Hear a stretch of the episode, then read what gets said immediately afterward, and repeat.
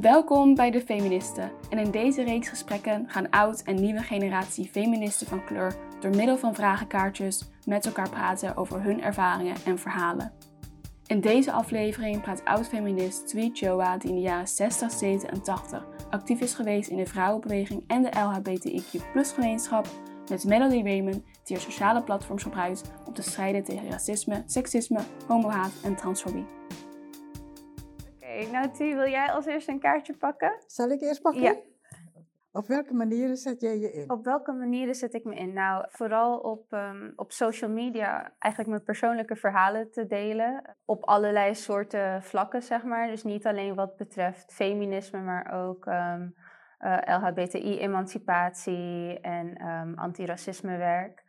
En, dan, en echt vanuit mijn eigen ervaringen. In mijn ogen vind ik dat niet heel activistisch per se. Om zeg maar een beetje de, um, ja, de menselijke factor in te brengen. Dat als je, als je um, seksistisch bent, homofobisch of um, racistisch, wat dan ook, dan heb je het wel over mensen. En door die mensen één voor een gezicht te geven, dan probeer ik zeg maar zo een beetje anderen op hun gedrag aan te spreken. Dus dat is de manier waarop ik me inzet. Ja, ja ja, ja, ja. En uh, doe je dat in een, uh, in een bepaald verband? Of is het als, als het moment daar is, of als het toevallig je dat te tegenkomt of daarmee geconfronteerd wordt, dat je dan mensen aanspreekt? Um, het, ja, dus ik. Uh, eigenlijk als er, stel er gebeurt iets, er is een, een geval um, dat breed in de media wordt gecoverd, zeg maar, van er is, er is weer een, laatst van die vrouw in, in, in Engeland uh, was vermoord, bijvoorbeeld zoiets. Dat zie ik dan altijd wel als een soort van aanknopingspunt om ook een eigen verhaal te delen. Maar um, vaak is het ook gewoon als reactie op dingen die ik online zie gebeuren. Maar dan, ik vind dat het niet heel veel zin heeft om vreemden op het internet, uh, om daarmee echt in discussie te gaan. Want 9 van de 10 keer willen ze je verhaal niet horen. Dus doe ik het gewoon op mijn eigen platform. Um, en het komt wel altijd van een, een hele echte plek. Dus ik moet, ik moet zelf wel voelen om het te delen. Mm. Want ik ga niet zomaar, omdat, uh, omdat het een hip onderwerp is of zo, iets delen. Het moet echt vanuit mezelf komen. Ja, ja. Maar dat is dit wat ik vertel nu, dat is natuurlijk heel erg op deze tijd gericht. Ik bedoel, Instagram, Twitter en zo. Ja, ik kan ja. me voorstellen, in jouw tijd was dat ietsje anders. Al die platformen had je toen nog niet. Nee. Dus hoe zette jij je toen in? Nou ja, wat, wat je zegt, het is natuurlijk nu allemaal heel erg digitaal. Het kan ook bijna niet anders. Hè? En dan nog, ook nog met die uh, coronatoestand erbij. Dus, uh, maar in mijn tijd was het toen natuurlijk nog helemaal niet digitaal. maar in Suriname was het echt uh, inderdaad alles via de tikmachine. En ik vond het zelf een heel productieve periode geweest in mijn leven. Wow. We gingen dan bepaalde wijken in we, verdeelden de wijken onderling met elkaar en dan gingen we dan uh, flyeren en mensen op straat, maar ook uh, mensen thuis aanbellen van uh, heeft u hiervan gehoord en zo en wat vind je ervan. Dus dat zijn wel heel, dat is wel rechtstreeks contact natuurlijk hè, met de mensen en dat heb je nu natuurlijk minder. Ja. via die digitale weg gaat alles via het scherm. Er is wel contact via het scherm, maar geen, geen rechtstreeks contact. Soms mis ik dat wel, maar ik moet zeggen, ik ben er nu ook zo'n beetje aan gewend geraakt. en uh, ik vind het ook, uh, ja, het, het werkt ook wel voor mij. Ja, nee, ik, uh, ik kan me voorstellen dat het heel ontwapenend werkt als je iemand echt voor je hebt staan. Dan denk ik dat je minder snel geneigd bent om je gal te spuwen, wat op internet natuurlijk veel makkelijker is. Dus ik vraag me af of jullie op die manier niet veel meer mensen konden meekrijgen, doordat jullie er echt zelf stonden. Ja, het directe contact is, uh, denk ik zelf inderdaad ook veel effectiever. Ja. In die zin effectiever dat juist door het directe contact je mensen kan aanspreken, tot mensen kan praten, met mensen kan praten. En niet alleen maar over mensen kan, uh, hoeft te praten. Dus dat is wel, uh, vind ik, het grote voordeel daarvan. Ja. ja in vergelijking met het hele digitale werk natuurlijk. Ja. ja. Ik vind het zo bijzonder dat wij ja, voor mensen van mijn generatie en zeker misschien daaronder nog, het is nu zo vanzelfsprekend geworden dat als je iets wil zeggen, dat je dat online doet en dat je dat niet zo snel um, mensen gaat aanspreken op straat, laat staan aanbellen bij hun huis om je boodschap te verkondigen. Ja. Ja. Eh, en in die tijd was dat je enige manier. En uh, ja, gewoon ontzettend bedankt dat jullie dat toen hebben gedaan. dat jullie die strijd hebben voortgezet. Want het was natuurlijk niet alleen jullie die dat hebben gedaan. Het zijn generaties aan vrouwen geweest die dat hebben gedaan. Maar eh, bedankt dat jullie dat hebben voortgezet. Want dankzij jullie kunnen wij nu weer verder met online ons, ons zegje doen. Zonder dat wij eigenlijk, wij hebben het eigenlijk gewoon makkelijk. Gewoon thuis zitten, lekker tikken en uh, iedereen maar aanspreken. Wauw, nee, echt heel bijzonder eigenlijk. Ja, ja, ja, ja, dankjewel. Tegelijkertijd heb ik ook zoiets, uh, we kunnen nog heel wat van elkaar leren. Weet ja, je? zeker. Ik vind uh, dat juist dat intergenerationele, vind ik zo belangrijk. Dat, dat je als, als eerdere, oudere generatie juist uh, belangrijk is om samen te werken met de nieuwe opkomende generatie, die volgens mij ook heel erg, vind ik zelf, hoopvol is. Hè? Dat geeft mij hoop om te zien hoe, hoe de nieuwe generatie, de jongeren, weet je, zo opkomen, zo, ja, zich inzetten ook in allerlei activistische activiteiten. Het is een, het, de jongeren zijn ook heel divers samengesteld. Hè? Het is, uh, je ziet heel veel kleuren uh, ertussenin. Hè. Het is niet alleen maar meer wit of zo, maar het is toch heel divers. En dankzij natuurlijk heel wat ontwikkelingen die hebben plaatsgevonden, ja. vooral in de afgelopen periode. Black Lives Matter en zo. Dus als, als generaties samen, vind ik, daar kan je wat mee. Ja. Dan kan je van elkaar leren daarin. En, en het moet niet zo zijn van, nou ja, jullie daar en wij hier, weet je. Dat is eigenlijk een beetje waar we ons tegen verzetten, dat wij tegen zijn. Dan moet het ook niet ook nog binnen ja, bewegingen dan ook nog afscheidingen gaan plaatsvinden. Want ik denk soms um, dat we, wij als jongere generatie een beetje vergeten dat er nog heel veel mensen zijn die al eerder zo'n strijd hebben gestreden, die nog steeds die strijd aan het strijden zijn, ja. die wij niet meer meenemen in onze in ons werk, zeg maar. En um, ja, daarom vond ik het ook zo, uh, zo bijzonder dat ik met jou in gesprek mocht. Want dit is eigenlijk de eerste keer dat ik met iemand die ook um, ja, gewoon activistisch is, maar van een hele andere generatie en dus een hele andere kijk. En dan toch mm -hmm. wel zoveel overeenkomsten. Ja, ik, ik vind het ontzettend belangrijk. Want vaak hoor ik ook nog te veel, zeker bij, bij de oudere generatie, van nou ja, en het is goed gegaan, dus waarom moet het nou anders? Weet je? Ja, daarvan zeg ik, ja, daar, daar, daar lossen we niks mee op. Natuurlijk, je hebt je tijd gehad, we, we hebben het, uh, er zijn dingen goed gegaan, er zijn dingen niet goed, minder goed gegaan. Maar niet omdat het goed gegaan is, betekent het dat je dus niet meer kan veranderen.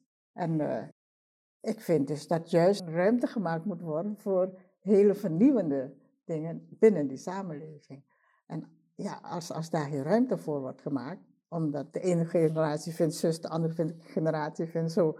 Ja, dan sta je alsmaar tegenover elkaar. Ja, ja het, is, uh, het is eigenlijk bijzonder dat we, uh, zoals ik zei, we, we hebben eigenlijk een, ge, een, een, gemeenschappelijk doel. -huh. En dan zelfs binnen dat gemeenschappelijke doel kunnen we het niet met elkaar eens worden over hoe we het nou moeten bereiken. Ja, en het is ja. niet, denk ik, er is niet één juiste manier. De enige nee. juiste manier is om naar elkaar, luisteren, naar elkaar te luisteren en elkaars ideeën ook mee te nemen. Ja, ja, dat, denk, dat vind ik voor namelijk heel belangrijk. Dat het niet. Um, voor mij gaat het in deze, in, in de feministische strijd, de antiracistische strijd, gaat het niet om mijn eigen gelijk.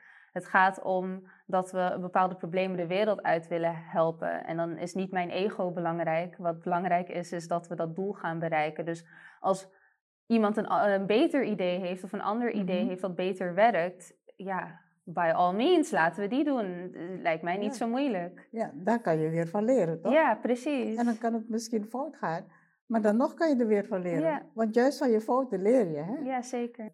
Ik weet niet hoe jij er tegenaan kijkt, want jij hebt volgens mij best wel hele grote veranderingen allemaal meegemaakt. Van nul internet naar honderdduizend verschillende platformen. En dan ook, zeg maar, al die meningen die in één keer bij elkaar komen. Want ja, als je, je als je langs de deuren gaat om met mensen te praten, dan heb je één persoon tegelijk. En je kan niet zoveel mensen op één dag zien. Mm-hmm. Nu typen we één berichtje en met een beetje geluk zien, ziet de hele wereld het. Ja. Dus Ja, ik vraag me af, hoe, hoe kijk jij er tegenaan, zeg maar, die, die, die globalisering, dat je nu, nu ineens zoveel meer mensen kan bereiken, welke ja, obstakels dat met zich meebrengt en welke voordelen je daar vooral van ziet? Ja, het is, het is bij mij natuurlijk ook niet zo van de ene dag op de andere dag gegaan. Hè? Zeker ook omdat ik voor mijn werk nu bijvoorbeeld thuis uh, heel goed van huis uit kan werken. Het is alleen maar uh, een voordeel, uh -huh. want anders zou ik helemaal zonder werk zitten. Ja. Weet je, dus door dat soort situaties kan ik het misschien ook beter relativeren. Weet je, in de ene situatie uh, ja, vind ik het dan weer minder, vind ik het niet zo leuk. Um, maar ik zou bijvoorbeeld niet terug willen gaan naar de situatie van toen, weet je, met, met, al die, met een tikmachine achter tikmachine zitten en zo. Nu ik dus weet dat er uh, een andere manier, effectievere manier misschien wel, uh, van werken is. Dus dat, ik denk dat dat dus voor mij het voordeel is dat ik kan vergelijken. En daardoor ook kan relativeren. Ja. En als je maar één situatie hebt meegemaakt, of één periode hebt meegemaakt, dan ken je alleen maar één periode. Ja. Weet je, dus die vergelijking kan je dan niet maken. En dat is denk ik mijn voordeel. Vanuit, ja. uh, laten we zeggen, een oudere generatie. Ja. ja, je weet hoe het was, hoe het kan zijn en hoe het nu, ja. nu is. Ja. Ja, ja, ja. Ik heb in, zeg maar, in mijn leven eigenlijk heb ik alleen maar meegemaakt dat um, er steeds meer kon. Want toen ik op de basisschool zat, hadden we bijvoorbeeld nog geen Instagram en, en dat soort dingen. Mhm. We hadden MSN al, dus we konden wel met elkaar chatten, maar dat waren alleen mensen die ik kende. Maar um, ik heb het idee dat het alleen, het is exponentieel gegroeid, maar daarmee ook heel veel negativiteit is toegenomen. Mhm. Ik weet niet of jij dat ook zo ervaart, dat, dat, het, dat het allemaal negatiever is geworden. Nou ja, negatiever. Het is denk ik onveiliger geworden. Zo, zo ervaar ik het. Uh, negatief lijkt dus alsof niets dan meer goed is. Maar wat ik dus daarnet zei, dat heeft ook zijn voordelen. Maar ik vind het wel onveiliger geworden. En in die zin, misschien dus kan ik jou, wat jij noemt, Ja. onder, wat, wat eh, onder de noemer valt van negatief. Uh, je, je bent eigenlijk niet meer anoniem. Niemand meer is anoniem.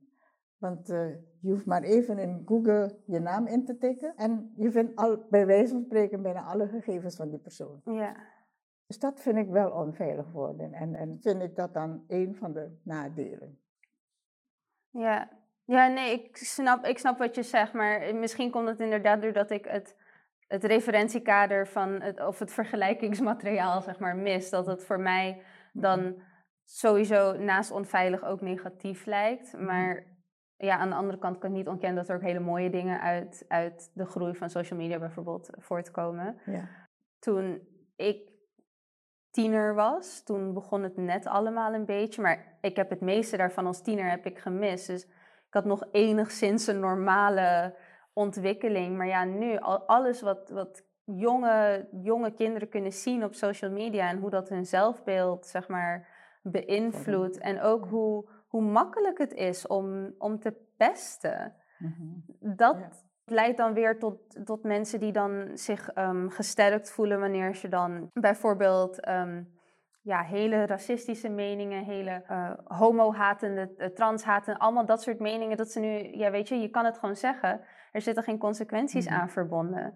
En wanneer dan wel een keer consequenties aan verbonden zitten van, oh kijk, eh, werkgever van X, X heeft dit op internet gezegd. Ja. Vind je dat wel kunnen als eh, jouw werk, eh, werknemer zijnde? Dan is het weer de schuld van de social justice warriors. Dat, dat Ja. die weer fout zijn. Denk ik van, ja, maar die persoon die, die, zit, die zit allemaal haat te verkondigen. Dat mag dan weer gewoon wel. Dus vandaar dat ik ook, zeg maar... Ik hou me eigenlijk best wel gedijst op, op internet. Ik zal niet zo snel mensen heel direct aanspreken. Gewoon omdat ik geen zin heb om allemaal troep over mezelf heen te roepen. En daarom hou ik het dus echt op mijn eigen verhalen. Want Ja. ja, het is ja. mijn verhaal. Jij kan me niet zeggen dat dat niet klopt of zo, want het is mijn belevenis. Ja, tegelijkertijd weet je denk ik ook, kijk, zo'n zo'n Black Lives Matters beweging, dat, is, dat kan ook wereldwijd nu. Weet je, Ja. zo moet een beweging ontstaan. Dankzij het feit dat die beelden gelijk over de hele wereld ook Ja, eh, verspreid konden worden. Hè? Dus het is steeds een, een wikken en Ja. wegen van eh, hoe krijg je toch eh, een zo evenwichtig mogelijke beeld Ja. voor jezelf ook, maar ook voor, voor de gemeenschap, voor je samenleving. Om niet meegesleurd te worden, te veel meegesleurd te worden in allerlei negatieve dingen. En dat we, wat, dat we ook wel nog kunnen zien wat er nog wel aan mogelijkheden Ja. zijn en wat er nog wel positief is. Hè? Zonder dus de negatieve dingen eh, eh, zomaar weg te wimpelen. Maar ja, dus dat is steeds zoeken naar, naar een, een evenwicht. Ehm, Heb je een ervaring met ehm, racisme, seksisme, homofobie, iets wat je hebt meegemaakt? Ja, en ik denk dat eh, een intersectioneel, eh, vanuit een intersectioneel perspectief het alle drie wel eh, in zitten. Racisme, eh, seksisme en homofobie. Ik heb bijvoorbeeld de ervaring opgedaan toen ik moest gaan solliciteren. Ik werd ontslagen. We hadden collectief ontslag gekregen omdat de minister toen vond dat vrouwenemancipatie in Nederland al voltooid was. Dus ik solliciteerde naar zo'n instituut gegaan. TWI heet het toen, geloof ik. Nu heet het weer anders. Ik kwam binnen en er zat een jonge man achter zijn computer. Hij kijkt me aan. Hij zegt, nou, dag mevrouwtje. Hm, beginnen. Oké. Voel je? Ja. Over seksisme gesproken. ja. Vertel maar, eh, zegt hij, vertelt u maar. Heeft u nog meer gedaan dan alleen de lagere school? Oké. Gewoon, Ja. Dus hij had kennelijk een beeld van mij gekregen. Hij zag misschien aan mij dat ik Chinese oogjes heb. In elk geval niet een witte Nederlander ben. En ik weet niet wat er allemaal aan beeldvorming in hem eh, gebeurde. Maar eh, ja, ik was toen natuurlijk eh, op dat moment zelf, was ik zo onthutst. Ik dacht, wat gebeurt er hier? ja. Maar gelukkig kon ik me weer hernemen.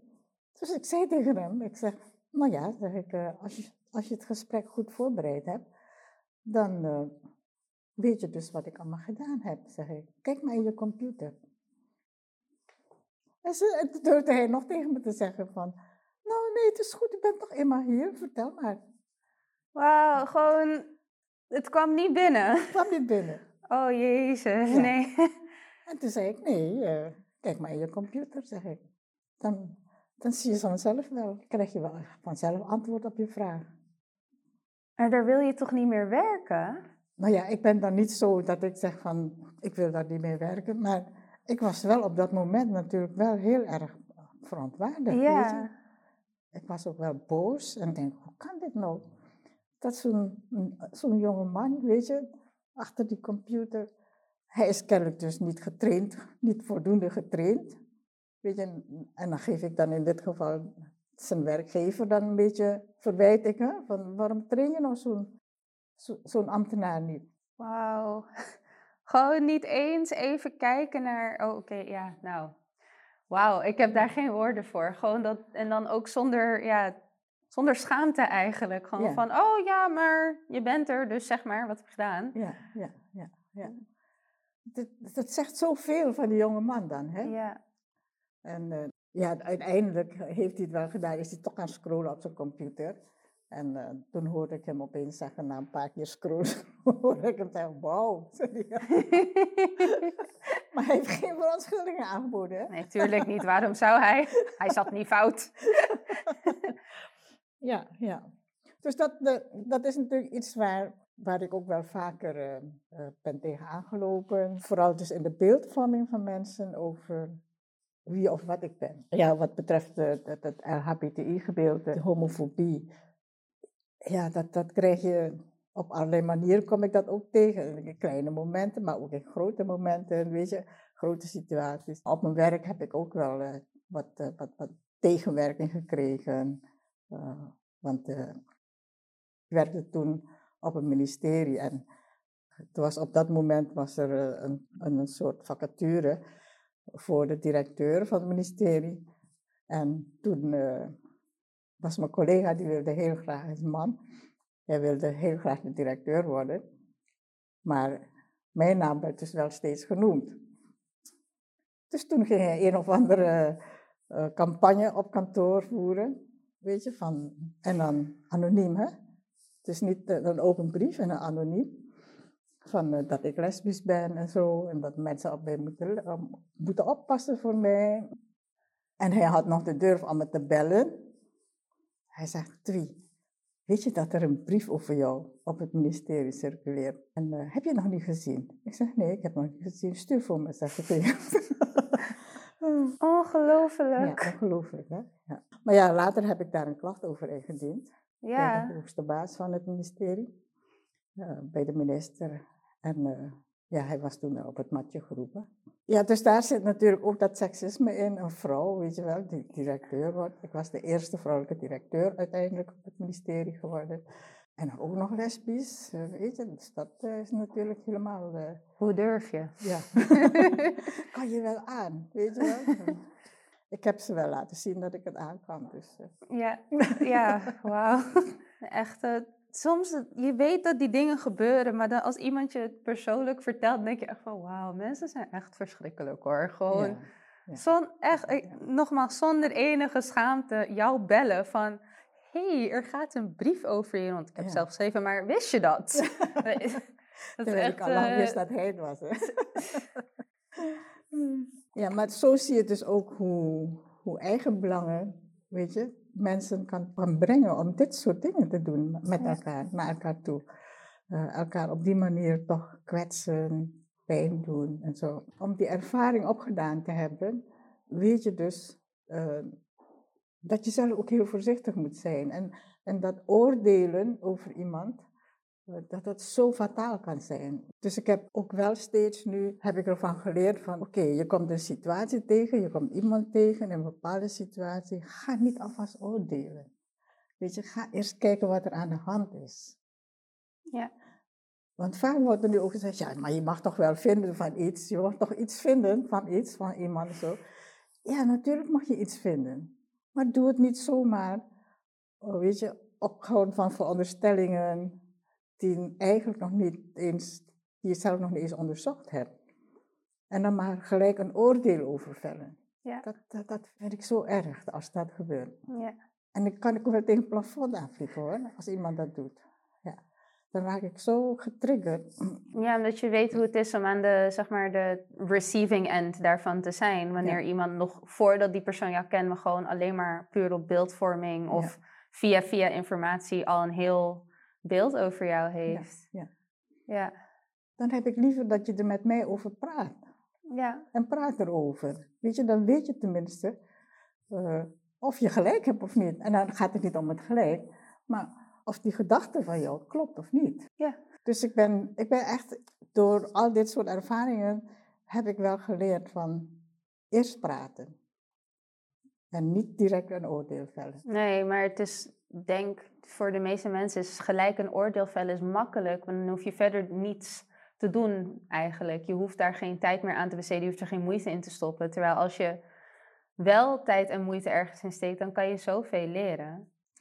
Ja. En ja, ik denk, ja. ja. ik denk dat gewoon nu in deze tijd, wanneer alles, alles is makkelijk, alles is binnen handbereik, ja, als je ergens aan moeite Ja. voor moet doen, laat maar zitten. En dat is één ding. Een ander ding is dat mensen niet het, het lastig vinden om over ongemak te praten. Dat zeker, ja. Over hun eigen ongemak. Ja. Kijk maar, in het hele racistisch debat, Mhm. hè, mensen voelen zich gelijk aangesproken, voelen zich gelijk beschuldigd. Van, Ja. ja. maar ik ben geen racist.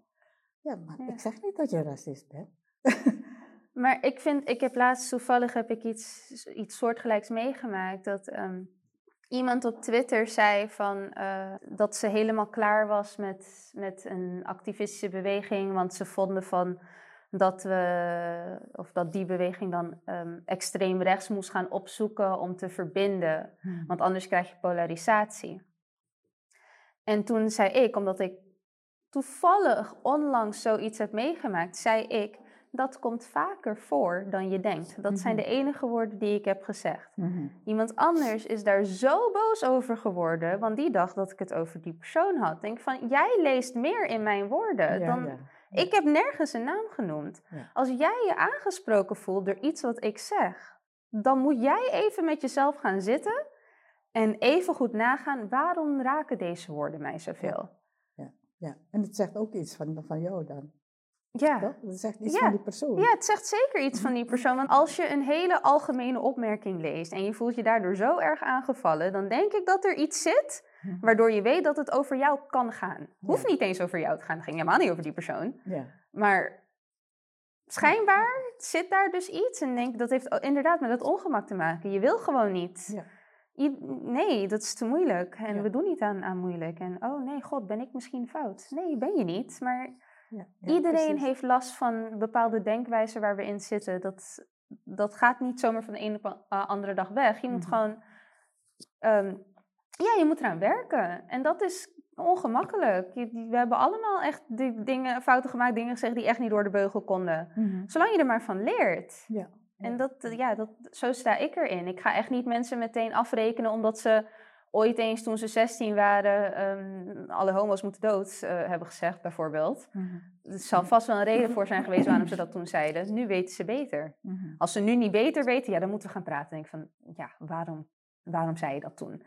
En als ze dan nog steeds niet willen weten, dan kunnen wij geen vrienden zijn. Dan, is- dan ben, is het voor mij klaar. Ja, ja. Maar om bij voorbaat al iemand meteen af te rekenen op iets wat ze ooit eens hebben gezegd, zonder ze de kans te geven daarvan te leren, en zo komen we niet verder. Ja. ja, dus dat is belangrijk wat je zegt, hè, van het leren. Juist door, door die wrijvingen, juist door eh, eh, alle verschillen die er zijn tussen jou en mij, tussen mij en de ander, juist daardoor eh, zou je eigenlijk dichter bij elkaar moeten komen. Omdat wat jij niet weet, weet ik misschien. En wat ik niet weet, weet jij misschien. Ja. En dan kunnen we elkaar op die manier aanvullen. Ja. Hè? Maar wat, wat gebeurt er heel vaak? Dat verschillen eh, zodanig ermee omgegaan wordt, dat er dan polarisatie ontstaat. En daarom zijn mensen bang eh, voor verschillen. Ja. In verschil zit juist kracht, hè? Ja. Daar kan je elkaar juist goed ondersteunen. Maar inderdaad, je moet niet gaan polariseren. Je moet juist kijken van hoe kan ik de ander aanvullen en hoe kan de ander mij aanvullen en van elkaar leren.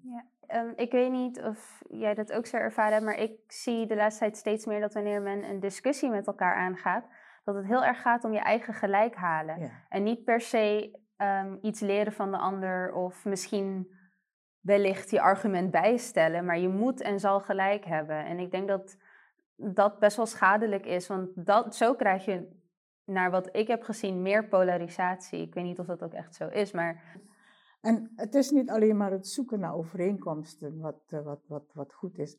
Kijk, overeenkomsten zijn natuurlijk gemakkelijk. ja, Gemakkelijker ermee om te gaan dan verschillen. Hè? Dus in die zin zeg ik, oké, als de overeenkomsten, als er overeenkomsten zijn, is het alleen maar meegenomen, vind ik. Weet je? Maar ik ga juist zoeken naar waarin verschil ik van jou. Zodat we van elkaar kunnen blijven leren. ja, Weet je, en, en, en dat is iets wat, eh, wat volgens mij nog veel meer moet gebeuren. Dat mensen verschillen niet zien als, als, als, als eh, polariserende, met een polariserende werking, maar juist met, een, eh, met, met kracht die erin zit. Hè? Ja. Ja, wauw. het geeft juist heel veel kracht. Nooit op die manier zo bekeken. Ehm, Mhm. Eigenlijk omdat ik, je moet één ding vinden in iemand anders waar je, dat- wat een overeenkomst is. En van daaruit ga je, ga je met elkaar praten of eh, Ja. zoiets. Maar inderdaad, je leert veel meer als je, als je de verschillen juist gaat, eh, gaat bekijken en bespreken. Ja, ja. Dankjewel, mooie les. ja, dat is, dat is een, een manier, een andere, heel andere manier van kijken. ja, Weet je, verschillen, juist door de verschillen kan je dus ook veel meer een, een, een, een meervoudig perspectief hebben. Ik zie in jou niet alleen maar een vrouw. Nee, toch? Je bent Ja. een van de, van de jonge generatie. Ja. Je, je bent actief op verschillende terreinen, in je eigen platform enzovoort. Eh, je hebt gestudeerd. Weet je, dat zijn allemaal verschillende deelidentiteiten die je in je hebt. En die je met je meedraagt. En dat maakt wie je bent. Ja, ja, inderdaad. Maar als we elkaar alleen maar als vrouw zien, ja, is het heel eng. Ja. En die overeenkomst hebben we wel met elkaar. Dat vind ik maar saai. Ja, ja, zeker. toch, je bent vrouw plus. ja. En al die andere dingen. En dan, ja, want ja, komen inderdaad veel interessantere dingen uit als je naar alles gaat kijken in plaats Ja. van, eh, ja. Ja, ja. Inderdaad. En dat is ook zo belangrijk van dat hele, dat intersectionele gedachtegoed. Hè? Ja, Dat je juist vanuit verschillende perspectieven, steeds vanuit een eh, meervoudig perspectief, je omgeving eh, ziet ja, en naar je omgeving kijkt. Want weet je, met, met alleen maar één richting kijken is, kan ook heel vaak stigmatiserend werken. Ja, zeker. Ja. Weet je, de Marokkaan bijvoorbeeld. Nou, hoezo de Marokkaan? Er zijn zoveel Marokkanen. Ja, En allemaal met verschillende eh, deelidentiteiten. Maar ja, met, als je zegt de Marokkaan, ben je al gauw met een oordeel bezig, met een stigma bezig. En wat kom je nou verder met elkaar? ja. Niets toch? Nee, precies niet. ja. Inderdaad, ja. Het intersectionele, dat heeft wel veel, ehm, veel draagvlak bij jongeren. Dat we Ja, er wel heel erg van bewust zijn dat iemand niet één identiteit is. Het raakt je op meerdere vlakken. Het, raakt mensen op meerdere vlakken. Je bent, ik ben niet alleen vrouw, ik ben ook lesbisch en ik heb een kleur, wat ik soms vergeet. Het is echt, ik denk van, oh ja, god, ik ben niet wit, oh jezus. en, en dan, ehm, ja, dus inderdaad, het raakt je op verschillende vlakken. Dus hoe, ja, hoe ik ergens insta is anders dan hoe ehm, bijvoorbeeld een witte vrouw ergens instaat. Terwijl we wel voor hetzelfde doel willen vechten. Maar we moeten wel even kijken van, oké, jij hebt hier mee te maken, ik heb hier mee te maken. Houden we daar rekening mee dat, dat jij het op een andere manier beleeft? Ja. En Ja. dat ehm, jouw strijd misschien niet precies hetzelfde is als mijn strijd, maar we wel hetzelfde doel hebben. Ja. Maar als jouw strijd klaar is, betekent niet dat mijn strijd al klaar is. Dus dan Klopt. moeten we nog even ietsje verder gaan. Ja. En ik denk dat dat soms, soms nog vergeten wordt. Dat, de- dat, Ja. het, dat we ook al strijden we dezelfde strijd, eh, zijn er toch verschillen die niet altijd worden meegenomen. Ja, dat, dat, dat ben ik helemaal met je eens, volledig met je eens. Want eh, juist omdat in die combinatie van wit, lesbisch, vrouw, neemt ze een andere positie in, verhoudt ze zich ook anders ten ten opzichte van eh, jou als zwart, eh, lesbisch vrouw. Ja, Ja, eh, je neemt gewoon een heel andere positie in ten opzichte van elkaar in, binnen de samenleving. Hè. Op de eerste plaats, wat is de, de dominante vorm? mhm. De dominante norm is hetero in de samenleving, is wit, is man. ja. En dan ben je, dan, laten we zeggen, dan ben ik zwart, vrouw, eh, lesbisch en ook oudere leeftijd. En vaak zijn het dus eh, grijze mannen die het hiervoor het zeggen hebben. ja. Nou ja, dan verhoud ik me toch al heel anders tot zo'n man. Ja. Eh, soms wanneer, wanneer mensen het opnoemen van ja, de dominante dingen is dit. En dan denk ik van, oh, ik heb geen van die dingen. Oh, Jij zit niet in de dominantie. nee. Jammer. wil nog niet zeggen dat je ondergeschikt bent. Nee, nee, maar het is weer echt... Mijn zusje zei het toen ik, ehm, eh, toen ik haar vertelde dat ik eh, lesbisch was. Zei ze, oh, je hebt zoveel dingen tegen je. Mhm. En ik had dus van, huh? Hoe bedoel je? en zei, ehm, ik weet niet of je het hebt gemerkt hoor, maar je bent nog steeds een vrouw. Je bent nog steeds niet wit. Kijk naar jezelf en denk van, oh ja, oh ja, inderdaad. Ja, ja, ja. Ja, Nou ja, dus dat zijn de, de, de Ja. beelden en Ja. de gedachten die, die dan mensen met zich meenemen, hè? ja. meedragen. Het is ook meer van mensen hebben bij, eh, wat, wat je ook al zei, mensen hebben vanaf het begin al een oordeel over je klaar. Ze kennen je helemaal niet, maar ze weten, oh je bent niet wit. Mhm. Je bent een vrouw. Je bent niet hetero. Ja. Ze, bijvoorbeeld weten ze dat al en dat is al genoeg voor een oordeel, nog zonder dat ze ooit één minuut met je gesproken Ja, hebben. klopt. Geef me even een kans om even, even mijn verhaal te doen. Ja, ja. Maar aan de andere kant denk ik van, nou, als je bij voorbaat al mij niet mag, zonder dat je even twee minuten de moeite hebt genomen om, uh, om naar me te luisteren, dan Mhm. is dat echt, dat, dat is, that's your loss. Ja, Ik verlies daar niets door. Like, jij had iemand echt heel geweldigs kunnen kennen, Ja. maar je hebt gekozen om dat niet te doen. Neemt niet weg natuurlijk dat er op, op dat individuele niveau wel degelijk ook witte mensen zijn, de witte mannen, oudere witte mannen, die ook wel eh, zich bewust zijn van hun positie. Ja, zeker. Weet je, dus dat moeten we natuurlijk ook niet helemaal vergeten. Wat we juist nodig hebben, zijn bondgenoten. Ja, Dat we elkaar daarin juist kunnen ondersteunen. Dus die zijn er ook natuurlijk. ik hoop oprecht dat we, ondanks alle verschillen die we hebben, gewoon op een gegeven moment op het punt komen dat we zeggen: Oké, we zijn verschillend. En dat is prima. En iedereen mag er zijn en er is plek voor iedereen. Maakt niet uit wat je deelidentiteiten zijn. Er is plek voor iedereen en niemand, niemand wordt vergeten. Ja, ja. Nou ja, aansluiten op die plek, Ja. zeg ik vaak ook van de, ik hoop dat we in een, eh, in een wereld kunnen samenleven waar de plek voor iedereen vanzelfsprekend is. Ja, En dat je dat niet meer hoeft te bevechten. Ja. Hè? Dat vanzelfsprekende, dat inclusieve, dat iedereen eh, ja, erbij hoort, dat dat er is. ja. Ik denk dat we dan echt heel, heel dichtbij mijn, mijn grote ultieme droom van wereldvrede zijn. Lieve luisteraars, bedankt voor het luisteren naar de eerste aflevering.